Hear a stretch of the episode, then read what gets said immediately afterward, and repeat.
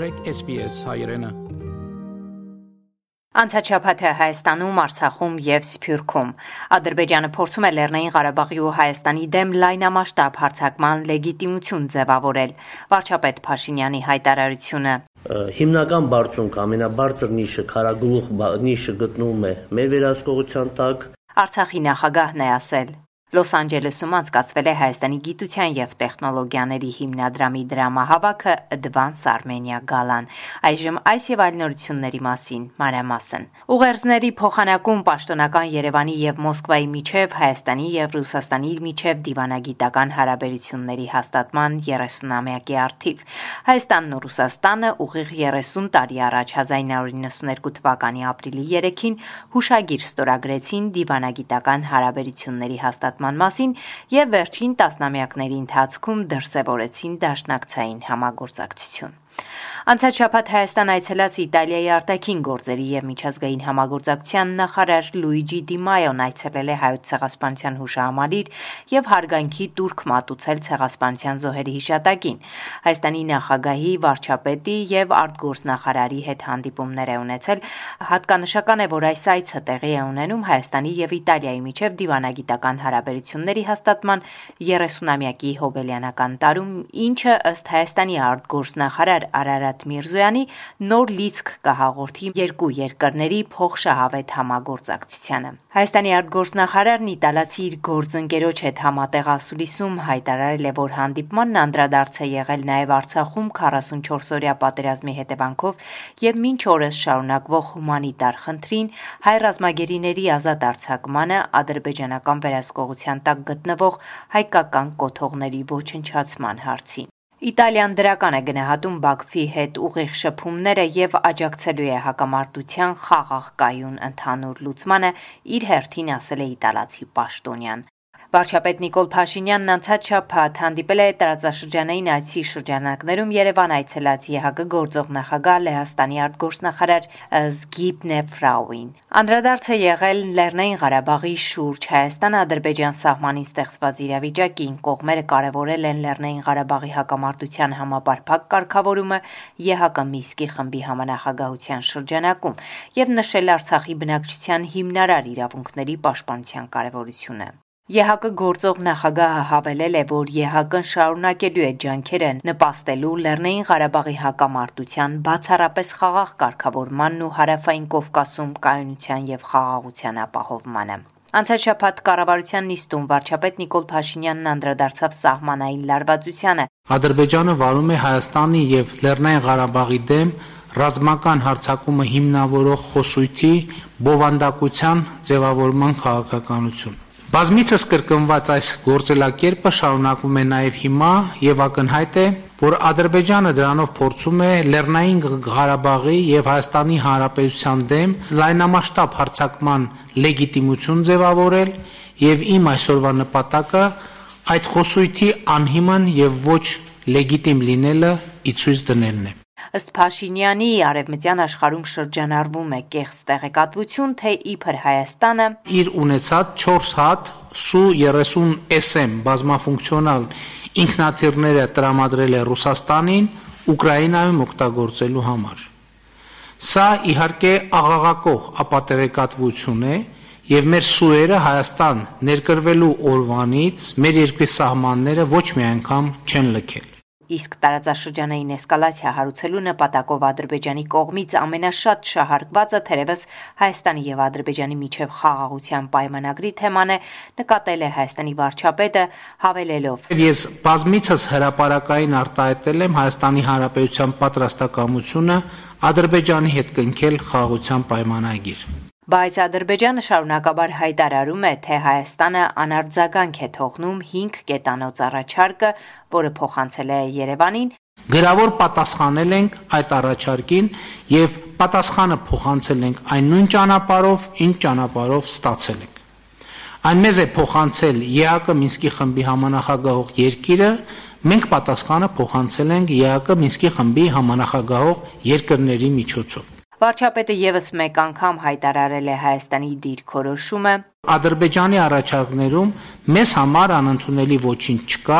Այս պատասխանը նշանակում է, որ Հայաստանի համար ընդունելի է փոխադարձաբար տարածքային ամբողջականության եւ սահմանների անխախտելիության ճանաչման սկզբունքը։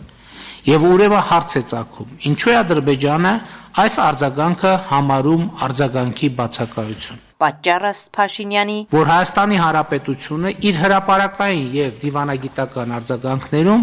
արձանագրել է, որ կա Լեռնային Ղարաբաղի հիմնախնդիր եւ Հայաստան-Ադրբեջան համապարփակ կարգավորման համատեքստում պետք է հասցեագրվի Լեռնային Ղարաբաղի հայության իրավունքների հարցը։ Ադրբեջանի դիրքորոշումն այն է, որ Լեռնային Ղարաբաղի հիմնախնդիր չկա, այն այլևս լուծված է։ Փաշինյանն ասել է, որ Ադրբեջանը նպատակ ունի բոլոր հայերին տեղահանել Արցախից։ Փորձում է բոլոր հայերին տեղահանել Լեռնային Ղարաբաղից, այդպիսով հարցը փակված համարելու համար։ Ապրիլի 3-ին Հայաստանի առաջին նախագահ Լևոն Տեր-Պետրոսյանն իր առանձնատանը հանդիպել է Լեռնային Ղարաբաղի նախագահ Արայիկ Հարությունյանի հետ։ Այս մասին հայտնում է Հայաստանի առաջին նախագահ Լևոն Տեր-Պետրոսյանի խոսնակ Արման Մուսինյանը։ Զրույցի ընթացքում երկուստեք կարևորվել է, որ ռուս-ուկրաինական պատերազմի ընթացիկ փուլում թե Արցախի ու Հայաստանի իշխանություններից եւ թե ընդդիմադիր ուժերից գերզգուշ հռետորաբանություն եւ գործողություններ են պահանջվում ներքաղաքական հակասություն ընկերությունները չսրելու եւ Հայաստանի ու Արցախի վիճակն ավելի եւս չբարթացնելու նպատակով։ Արցախ. Նախագահ Արայիկ Հարությունյանն անցած շաբաթ անվտանգության խորհրդի հերթական նիստում նշել է, որ վերջին օրերին անվտանգության խորհրդի նիստերի հաջախակի անցկացումը պայմանավորված է հանրապետությունում ստեղծված ռազմաքաղաքական իրավիճակով եւ հատկապես Արցախի արևելյան հատվածում տեղի ունեցող զարգացումներով։ Նպատակը մենք հասկանում ենք, որ ամբողջ քարագլուխն է եղել Մենք նաև պետք է այսօր ֆիքսենք, որ հիմնական բարձունք ամենաբարձր նիշը քարագլուխ նիշը գտնվում է մեր վերահսկողության տակ Նա ասել է մեր նպատակն է որ ադրբեջանցիները հետ գնան ելման դիրքեր Մենք համարում ենք, որ ռուսական խաղաղապահ ուժերը մինչև այսօր այսօր էլ իրականացնում են իրենց առաքելությունը չհաշված հակառակորդի այդ խախտումները մեր նպատակն է, որ เป զի նրանք հետ գնան ելման դիրքեր։ Դրա համար մեր պահանջը, մեր խնդրանքը խաղապահ ուժերին նա եղել, որ ստատուս քվո, որը բխում է Երակոմ հայտարարությունից, պետք է վերականգնվի։ Այս պահանջը երբևէ մենք չենք փոխելու։ Նշեմ, որ ադրբեջանական ուժերը վերջին շրջանում կրկին առաջացրել են իրենց դիրքերը։ Արայք Հարությունյանը համոզմունք է հայտնել, որ Ադրբեջանի նպատակը առաջին հերթին ռուսական խաղաղապահ ուժերի դերակատարությունը վարկաբեկելն է։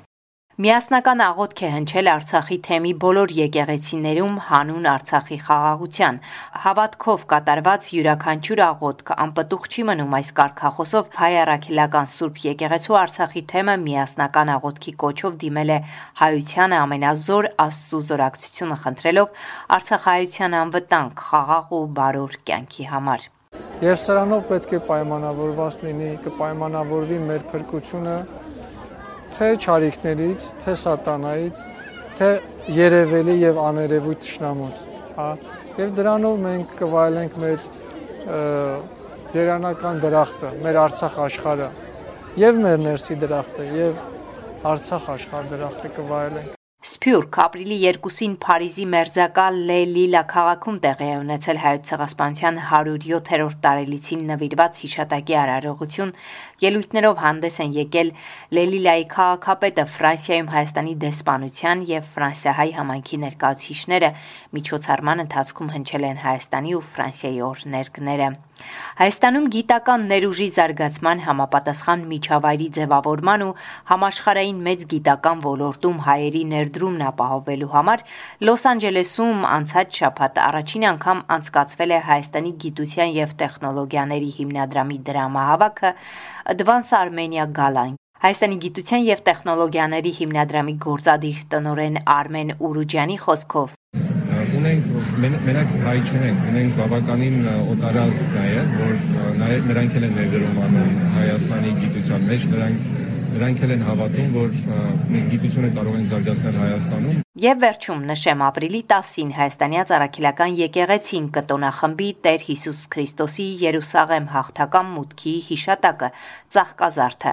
Մեծ պահքի վերջին Կիրակի օրը նշվող տոնը նվիրված է Հիսուս Քրիստոսի Երուսաղեմ հաղթական մուտքի հիշատակին եւ Ծաղկազարդը ամենայն հայոց կաթողիկոս Գարեգին II-ի բարձր տնօրինությամբ հրճակվել է որպես մանուկների օրհնության օր։ Այսքանը անցած շաբաթը Հայաստանում, Արցախում եւ Սփյուռքում SBS-ի համար ամփոփեց Գիտա Իրբեկյանը։